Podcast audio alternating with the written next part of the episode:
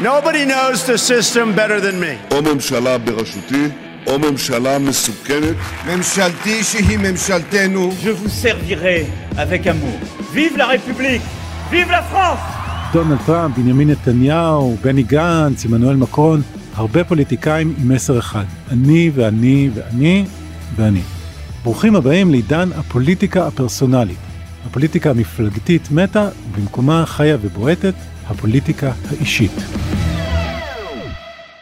היי, אני אורי פסובסקי, ואתם על עוד פרק של הצוללת מבית גלובס. רגע לפני מערכת בחירות שלישית וחסרת תקדים בתוך שנה אחת, אנחנו ננסה להבין איך הפוליטיקה הפכה לעניין כל כך אישי. זה לא רק עניין של אה, כן ביבי, לא ביבי, או ביבי נגד גנץ, אלה בחירות שמככבים בהם שמות, בנט ואיילת, וסמוטריץ' נגד אה, הרב רפי וליברמן ואמיר ואורלי, הכל אישי.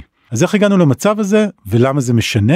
מי שיעזור לנו לנסות לפענח את עידן הפוליטיקה האישית הוא פרופסור גידי רהט. שמי גידי רהט, אני פרופסור במחלקה למדע המדינה באוניברסיטה העברית והמתבכיר במכון הישראלי לדמוקרטיה. אנו מכריזים בזאת על הקמת מדינה יהודית בארץ ישראל. היא מדינת ישראל.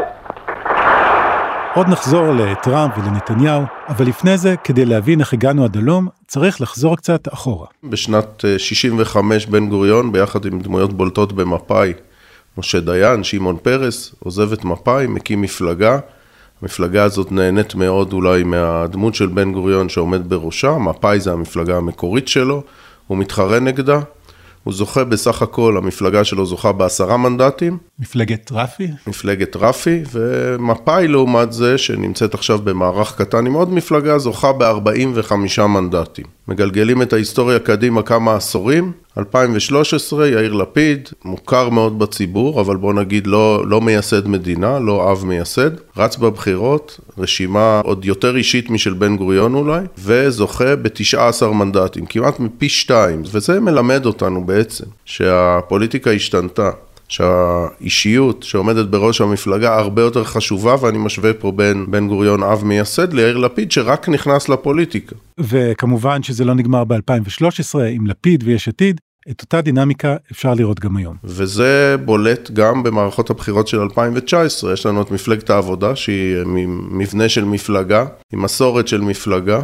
מפלגה שאפשר להגיד שהמנהיגים שם לא מספיקים להיות בולטים כי מחליפים אותם כל הזמן, והיא מאבדת קולות, ומאבדת ומאבדת, ומי עולה? מפלגה שכל כולה אישים, אפשר לראות את זה כמפלגה של גנץ, אבל אפשר לראות את זה גם כ-so called הקוקפיט, שזה בעצם ארבעה אישים בולטים. אנחנו מדברים על פוליטיקה מאוד מאוד אישית, וזה מה שהשתנה. אצלנו מדעני המדינה יש ציטוט שאני מאוד אוהב להשתמש, זה המאה ה-20 הייתה המאה של המפלגות, של הפוליטיקה המפלגתית, המאה ה-21 כפי הנראה, זו המאה של הפוליטיקה האישית. רהט הוציא לפני כחודש מחקר מדיניות במסגרת המכון הישראלי לדמוקרטיה, שבו הוא מנסה למפות את התהליך הזה של מה שהוא קורא לו ירידת הקבוצה ועליית הכוכבים. הוא מזהה את התהליך הזה בכל מיני מקומות. הכותרות בעיתונים דיברו פעם על אה, מפלגות, היום הן מדברות על פוליטיקאים. לעמודי הפייסבוק או חשבונות הטוויטר של פוליטיקאים יש הרבה יותר עוקבים מאשר למפלגות. והיום אי אפשר לסמוך על הסכם קואליציוני שחתמת עם מפלגה, חייבים לחלק תפקידים לפוליטיקאים, וככה מקבלים המון שרים וסגני שרים. ככה נראית פוליטיקה אישית. ניתן לרהט להסביר. פוליטיקה אישית זה בעצם פוליטיקה שהמעמד של הקבוצה, החשיבות של הקבוצה, של הפעולה המשותפת, במיוחד של המפלגה, יורדת, ואילו הפרט, הפוליטיקאי היחיד, הולך ומתבלט. עכשיו, זה יכול להיות הרבה מאוד פרטים, הרבה מאוד פוליטיקאים, וזה יכול להיות וזה מה שאצלנו בולט, אה, מנהיגי המפלגות, פוליטיקאים בודדים שמנהלים את כל העסק. עכשיו, יש כל מיני פנים לפרסונליזציה הזאת, או להפיכה של פוליטיקה לפוליטיקה אישית. זה יכול להיות פן מוסדי לחלוטין, כמו במדינת ישראל, כשעברנו בשנות ה-70, מבחירת אה, מועצות שבוחרות ראשי ערים לבחירה ישירה של ראש העיר. זה הפך את ה... השלטון המקומי לשלטון מאוד אישי. ורהט ממשיך עם עוד דוגמאות. זה יכול להיות גם בסיקור התקשורתי, התקשורת במקום לספר את הפוליטיקה כסיפור של מאבק בין מפלגות, הופכת את זה לסיפור של מאבק בין אישים. Mm-hmm. זה יכול להיות uh, בתקשורת הישירה של הפוליטיקאים, עם הציבור. במקום שהמפלגות יתקשרו עם הציבור, נניח דרך פייסבוק, דרך טוויטר, היום הפוליטיקאים ללא המפלגות, מתקשרים באופן ישיר. Mm-hmm. ויכול להיות לזה גם ביטויים התנהגותיים. בן אדם חושב, איך אני הולך להצביע? אז הוא לא חושב, אני הולך להצביע עבודה, ליכוד, אלא הוא אומר לעצמו, אני הולך להצביע לביבי, או לפרץ, או אם אני הולך להצביע כחול לבן. אני לא אומר כחול לבן, אני אומר גנץ. כל המחשבה על הפוליטיקה, כל ההתנהגות של הפוליטית משתנה. וגם הפוליטיקאים עצמם מבליטים את עצמם לעומת המפלגה. מספיק אה, לחשוב כמה לייקים יש לנתניהו בפייסבוק, מעל שני מיליון, לעומת הליכוד, שבפעם האחרונה שאני זוכר יש לו סביבות ה-70 אלף. רק תחשוב על זה שנתניהו בעצם הוא הליכוד, הוא הרבה יותר הליכוד מהליכוד, לפחות במובן של הנוכחות שלו בפייסבוק. למרות שאני חייב להעיר שיש גם מחקרים שמראים שחלק מהתומכים האלה הם אוונגליסטים מארצות הברית, הודים, אה, חובבי נתניהו, כלומר יש פה משהו שהוא לפחות במקרה הספציפי שלו רחב יותר מפוליטיקה ישראלית. כן, אין ספק שיש שם גם אה, הרבה מאוד אה, אנשים שהם לא שייכים לעסק, אבל גם אם נעשה, ננקה ונעשה שם כמה שלא תוריד, ההפרש הוא פשוט ענק. עכשיו צריך לזכור גם, זה לא רק הוא. גם אנשים שאינם מנהיגי הליכוד, ארדן ואחרים, יש להם מאות אלפי לייקים. ושוב, זה לעומת הליכוד שיש לו הרבה פחות ממאה אלף. זאת אומרת, המפלגה היא לגמרי במושב האחורי, לפחות כשמדובר באינטרנט. זה נכון לגבי רוב המפלגות בישראל, המפלגה היחידה שבה ההפרש בין המנהיג לבין המפלגה הוא לא ממש גדול, זה מרץ, וכמו שאנחנו יודעים, אמנם מפלגה מכובדת, אבל מאוד מאוד קטנה. אוקיי, אז כבר אה, מפה לשם 20 שנה אנחנו חיים במאה ה-21 ואתה אומר שזו המאה של הפוליטיקה האישית. למה משנה לנו שעברנו מהעידן הזה של פוליטיקה מפלגתית יותר לפוליטיקה אישית? קודם כל, כל ההבנה שלנו של הפוליטיקה אמורה להשתנות והיא משתנה. אנחנו אה, נהגנו לחשוב על הפוליטיקה כפוליטיקה מפלגתית, ניסחנו אותה ככזו, mm-hmm. ולפעמים קורים דברים גדולים. שההסבר שלהם הוא כנראה אישי, כמו למשל זה שיש לנו שלוש מערכות בחירות פה. זאת אומרת, בפוליטיקה מפלגתית, סביר שהמפלגות היו מסתדרות ביניהם והייתה לנו מזמן ממשלת אחדות. ויש לנו פה נושא אישי, ששני הצדדים רצים איתו. אפשר לסכם אותו בכן ביבי, לא ביבי, כן? עכשיו, ביבי זה איש, זה לא מפלגה. Mm-hmm.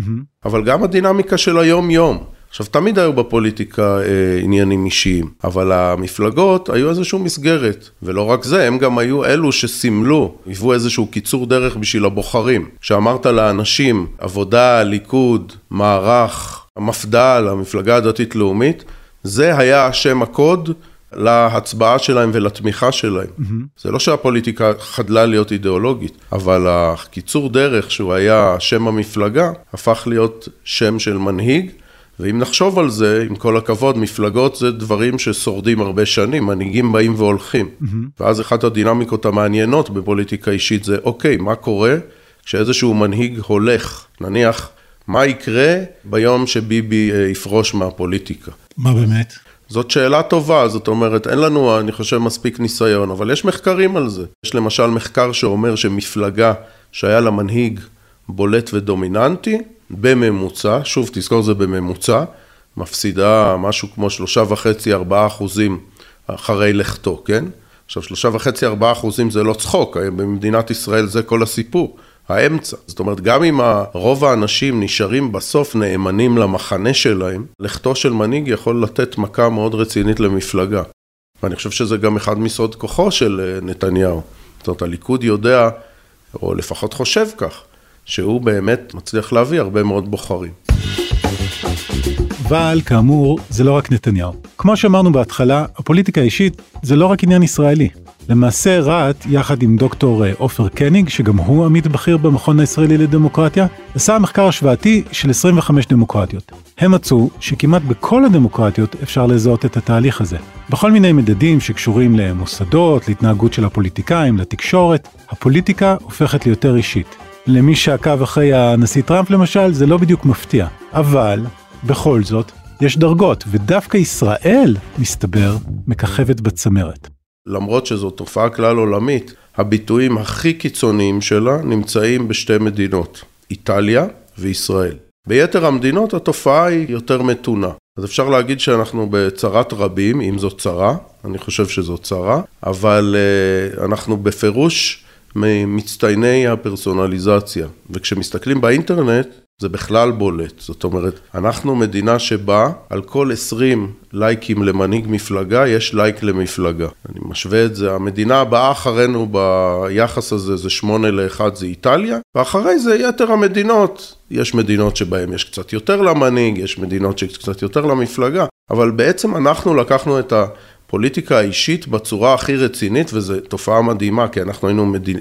so called מדינת מפלגות, זאת אומרת בעולם היינו ידועים ביחד עם אוסטריה ועוד מדינה או שתיים, כמדינה שבה המפלגות הן הקובעות, הן הכי חזקות. למה? מה קורה בישראל? למה דווקא ישראל? זאת שאלה מצוינת, אני גם שאלתי את עצמי למה ישראל, חיפשנו הסברים, ואני חייב להגיד שלא מצאתי המון הסברים, אבל אחד הדברים היחידים שמצאנו שיש קשר, זה קשר בין מה שקוראים תרבות פוליטית דמוקרטית, לבין נטייה לפרנליזציה, ומדינות שיש בהן תרבות פוליטית דמוקרטית יותר חזקה, יש בהן פחות נטייה לפרסונליזציה. אז כשאני מדבר על 25 דמוקרטיות, אז ישראל ואיטליה הן לא מהמצטיינות במה שמכונה תרבות פוליטית דמוקרטית, זאת אומרת, יש חלקים יותר גדולים באוכלוסייה שיש להם נטייה סמכותנית, נטייה לחפש מנהיג חזק, ושם מצאנו איזשהו קשר, אבל זה בפירוש לא כל ההסבר. זאת אומרת, זה, זה חלק קטן מההסבר. הסברים האחרים לתופעה הזאת אין לי כרגע, שאלה מצוינת, אבל אה, אין לי הסבר מוסמך. זה תיאור לא במיוחד מחמיא של ישראל, כלומר, אם אני אנסח את זה במילותיי, בעצם אתה אומר, בישראל אין מסורת דמוקרטית חזקה, אוהבים מנהיגים חזקים, הרבה יותר מבשאר העולם, ובגלל זה יש פה פוליטיקה אישית יותר, לא מוציא אותנו הכי טוב. טוב, תראה, קודם כל, אם אתה רוצה להוציא את ישראל טוב, תשווה אותה לרוב מדינות העולם, ואנחנו מדינה הרבה יותר דמוקרטית מרוב מדינות העולם. הרבה פחות מושחתת, זאת אומרת, עדיין, אם תמקם אותנו בין 200 מדינות מבחינת איכות הדמוקרטיה, תרבות דמוקרטית, אנחנו בפירוש נהיה במקום 20, בין 20 ל-40, תלוי בדרך המדידה וכולי, אבל כשאתה שם אותנו בהשוואה, וזה מה שעשיתי, ואני חושב שזה מה שצריך לעשות, אני לא רוצה לבחון את עצמי לעומת סוריה, זה לא אמת המידה שלי. אני משווה את עצמי למדינות דמוקרטיות מבוססות, מצליחות ופורחות, אז כן, יש לנו עדיין אה, דרך לעשות. אני מאוד לא מרוצה מזה שאנחנו ואיטליה מתחרים נק טו נק על הסיפור הזה של הפרסונליזציה. איטליה מדינה נפלאה, אומנות, אוכל, אבל בפוליטיקה הם לא מהמצטיינים שבחבורה. אחרי שבמשך שנים ישראל נחשבה למעוז הפוליטיקה המפלגתית, מתי באמת הפכנו למדינה של פוליטיקה אישית? יכול להיות שמי שהעביר אותנו למגרש האישי היה דווקא אייקון מפלגתי. ישראל מחכה לרבין, יש הסכמה לאומית, שמים אמת בקלפי. זה אבני דרך בתהליך הפרסונליזציה של ישראל.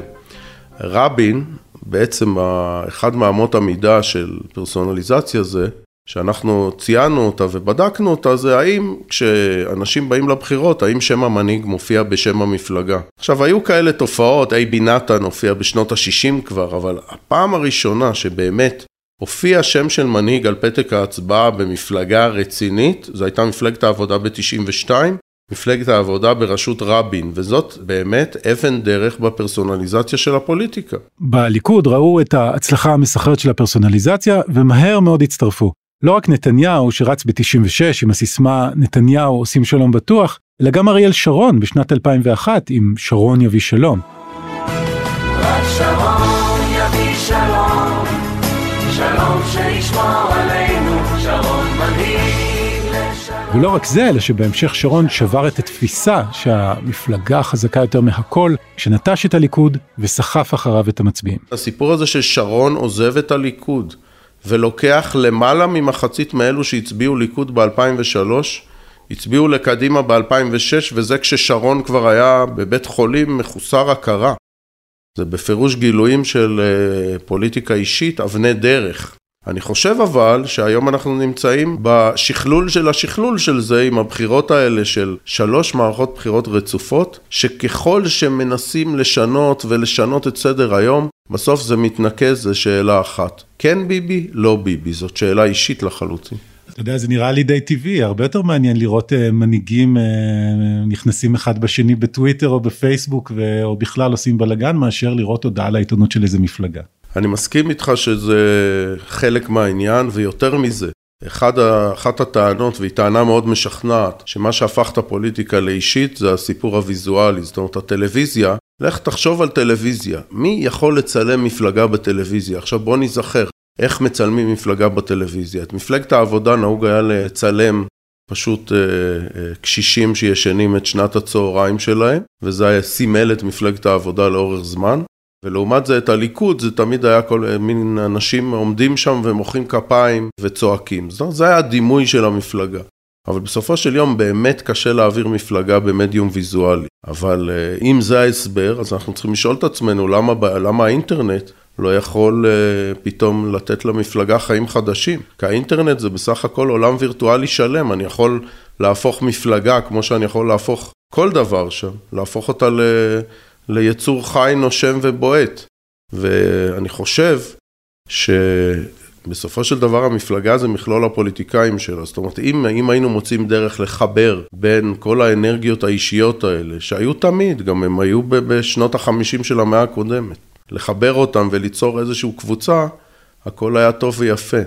ואם ברשותך אני רוצה לעבור לכדורגל, אז רק נחשוב על הסיפור הזה של אה, ברסה וריאל מדריד, כן? יש שם קבוצות, אנשים מעריצים את הקבוצות האלו, תומכים בקבוצות האלו, ויש שם גם כוכבים, אבל כשהכוכב עובר קבוצה, רוב האנשים נשארים עם הקבוצה.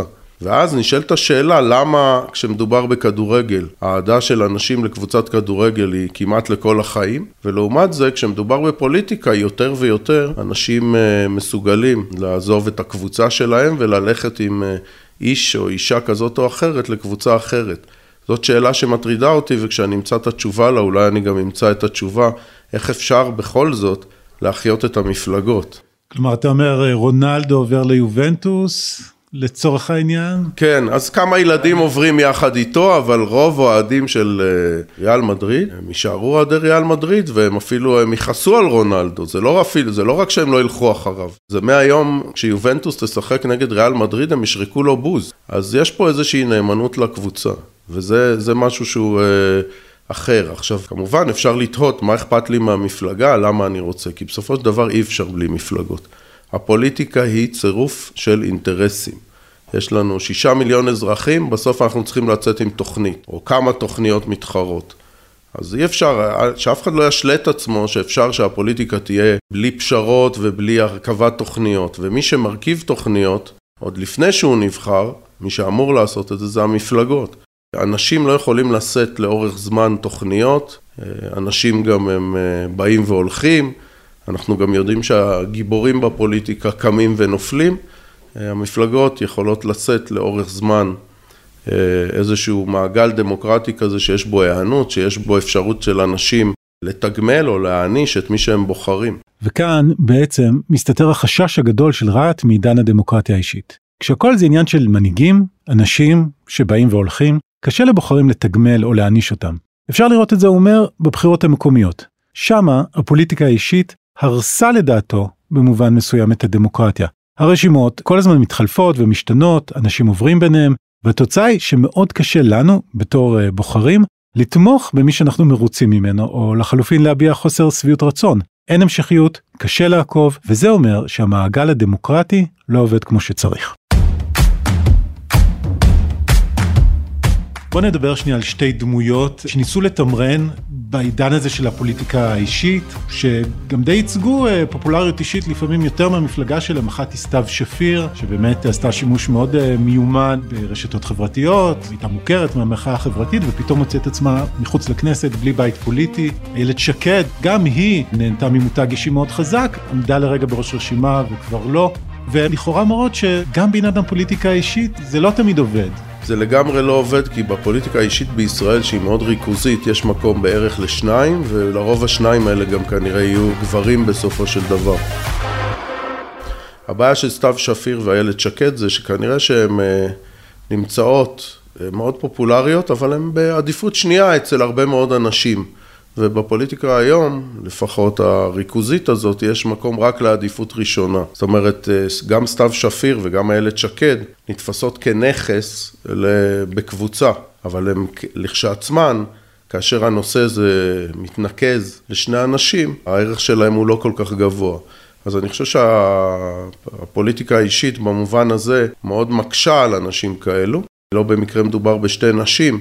ואחת הטענות שמקובלות בספרות על פוליטיקה נשית זה שנשים בפוליטיקה מצליחות יותר כשמדובר בקבוצות. זאת אומרת, הפרסונליזציה, הפוליטיקה האישית, לא עושה טוב לנשים. נשים הן שחקניות קבוצתיות הרבה יותר אה, מאשר אה, דמויות בולטות. עכשיו, כמובן שיש גם יוצאים מן הכלל, זאת אומרת, אה, לפן בצרפת ולהבדיל אלף אלפי הבדלות, מרקל בגרמניה, זה בפירוש נשים שנהנות מתמיכה אישית שהן הרבה יותר גדולה מהמפלגה שלהם, אבל אני חושב שבאמת, בסך הכל בסוף הפוליטיקה האישית, כאשר היא ריכוזית, היא מתנקזת לשניים שלושה פוליטיקאים, וגם אנשים מאוד פופולריים, אם הם לא מספר אחד או שתיים, סובלים מזה. זו פוליטיקה מאוד רובית במובן הזה. רק לחדד את הנקודה האחרונה לגבי נשים בפוליטיקה האישית, זה לא רק סתיו שפיר ושקד כמובן, אנחנו יכולים לדבר על זה שציפי לבני מצאה את עצמה מחוץ לפוליטיקה, שלי יחימוביץ' פרשה, אמ, אורלי לוי, אמנם כן הצליחה אה, להיות במספר 2 בעבודה, אבל גם היא אה, ניסתה להנהיג תנועה ומצאה את עצמה מחוץ אה, לכנסת עם גשר.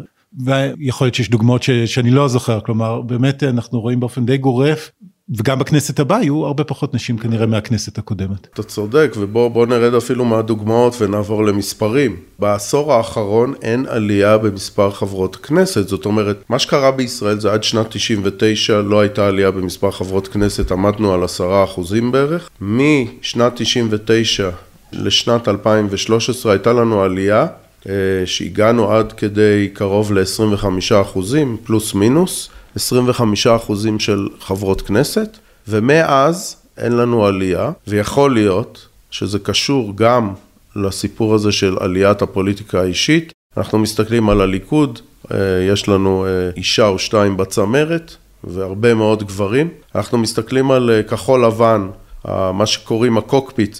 המקומות היחידים שיש לנו ייצוג נשים בולט זה במפלגות קטנות, מצד אחד הבית היהודי, ימינה, או איך שיקראו לזה היום, איילת שקד במיוחד, ועוד אחרות, ובשמאל, במיני מפלגות שנותרו מהשמאל, יש לנו 50 אחוז נשים, אבל מפלגות קטנטנות. יכול להיות שהסיבה לירידת ייצוג נשים היא גם הירידה של המפלגות שמאל, אבל גם לפיד שהיו לו אה, יחסית אה, מספר נשים גבוה, וגם ליברמן, היום אה, מספר הנשים במפלגות שלהם דווקא ירד. אז יכול להיות שהסיפור הזה של הפוליטיקה האישית גם פוגע בין היתר בייצוג נשים בפוליטיקה. בוא נדבר על, בכל זאת אמרת שיש מגמה עולמית, גם עם ישראל היא, והיא יחד עם איטליה מובילה.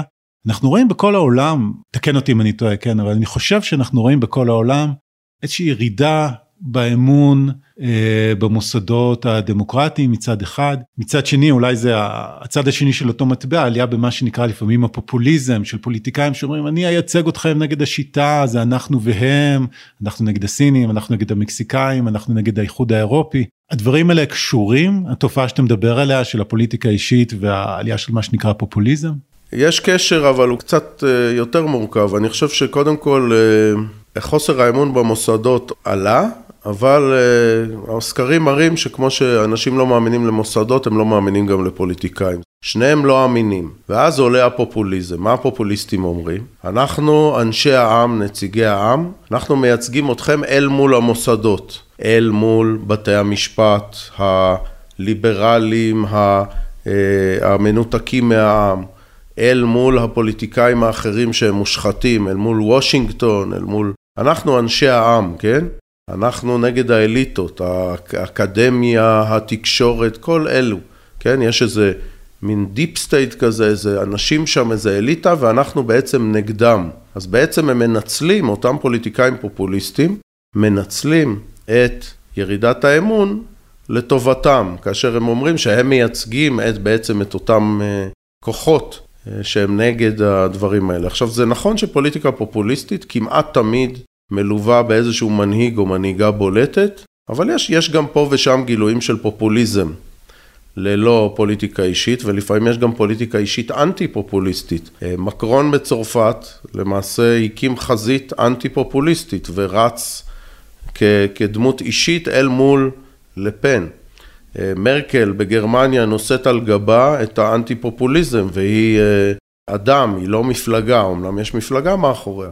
זאת אומרת, הפוליטיקה בעולם היום, אפילו הפוליטיקה האישית, יש בה כוחות פופוליסטיים ואנטי פופוליסטיים. ואגב, אתה את זה אומר כנציג האליטה, כן? אנחנו יושבים פה במכון הישראלי לדמוקרטיה, אה, אתה אקדמאי. אה, לא, אתה צודק, אותי אפשר להאשים, אני לא רק זה, אני לא רואים, אבל אני גם אה, שומעים שאני גבר, אני אשכנזי, משכיל, כל הדברים האלו, כן, כן, אני באמת שייך לקבוצה הזאת. אבל אני לא רואה את עצמי כמייצג של הקבוצה הזאת, אלא כאיש המכון הישראלי לדמוקרטיה, אני עבד של הדמוקרטיה, אני מחויב לדמוקרטיה, ולכן אה, אני שלם עם עצמי בזה שאני אה, מסתכל ואני חושב שאני מנסה לשרת ככל יכולתי את הדמוקרטיה הליברלית, גם את השלטון העם ביחד עם, אה, או שלטון הציבור, ביחד עם הרעיון הזה של איזונים ובלמים. של מוסדות אחרים, של שלטון החוק ודברים אחרים. אז אני חושב שאומנם יש לי את הזהות שלי ואת העמדות שלי, אבל יש לנו פה, לאנשים במכון הישראלי לדמוקרטיה יש עמדות ודעות פוליטיות שונות, וכולנו בסופו של דבר, מה שמשותף לנו, זה, אני חושב, היותנו עבדי הדמוקרטיה, במובן הטוב של המילה. טוב, יש אה, משהו שחזר אה, כחוט השני אה, בכל מה שאמרת עד עכשיו. אתה רואה צדדים שליליים בעליית המנהיג האישי בתור עבד של הדמוקרטיה. בוא ככה תסכם לי אה, למה בעצם ההתפתחות הזאת מדאיגה אותך. בסופו של דבר הסיפור הוא לא סיפור אישי של אף אחד. יהיה מוצלח כאשר יהיה, אהוד כאשר יהיה.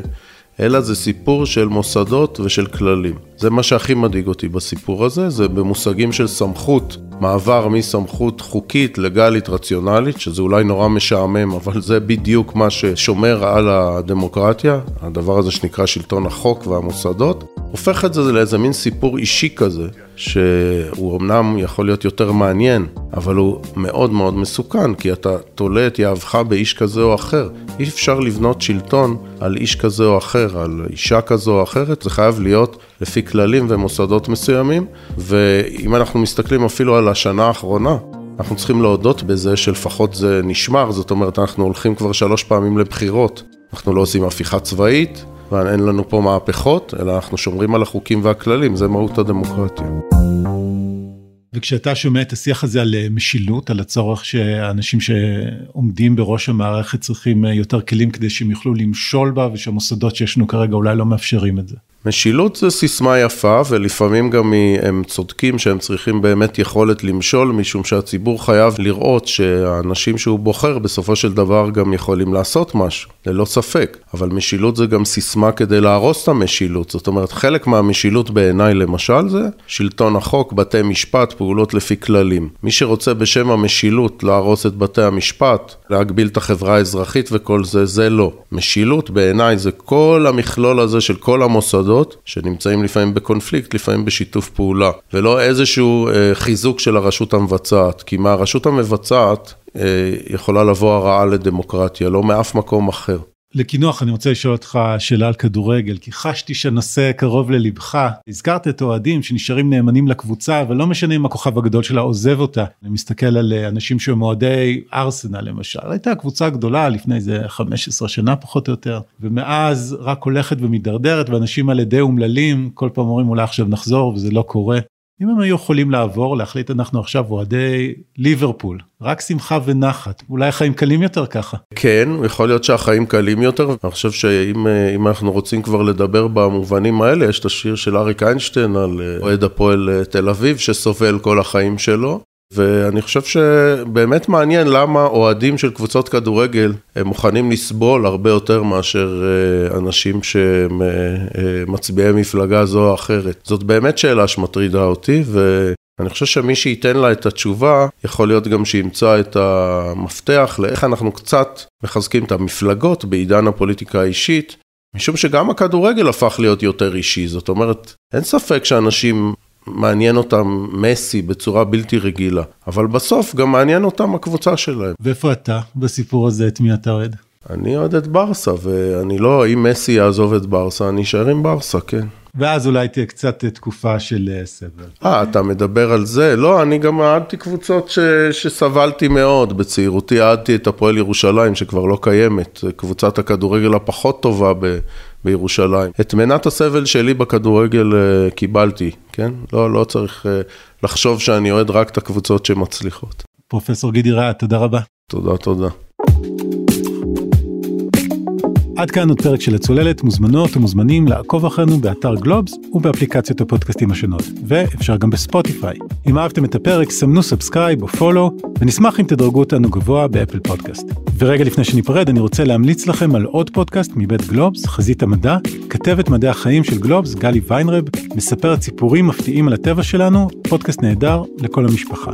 קטעי הארכיון ששמעתם בפתח הפרק נלקחו מערוץ היוטיוב של רשת סיספן ומרויטרס, ומעמודי הפייסבוק של בני גנץ ובנימין נתניהו. תודה רבה למכון הישראלי לדמוקרטיה על הסיוע הטכני בהקלטת הפרק, ולעורך הפודקאסטים רון טוביה. אני אורי פסובסקי, ניפגש בפעם הבאה, להתראות.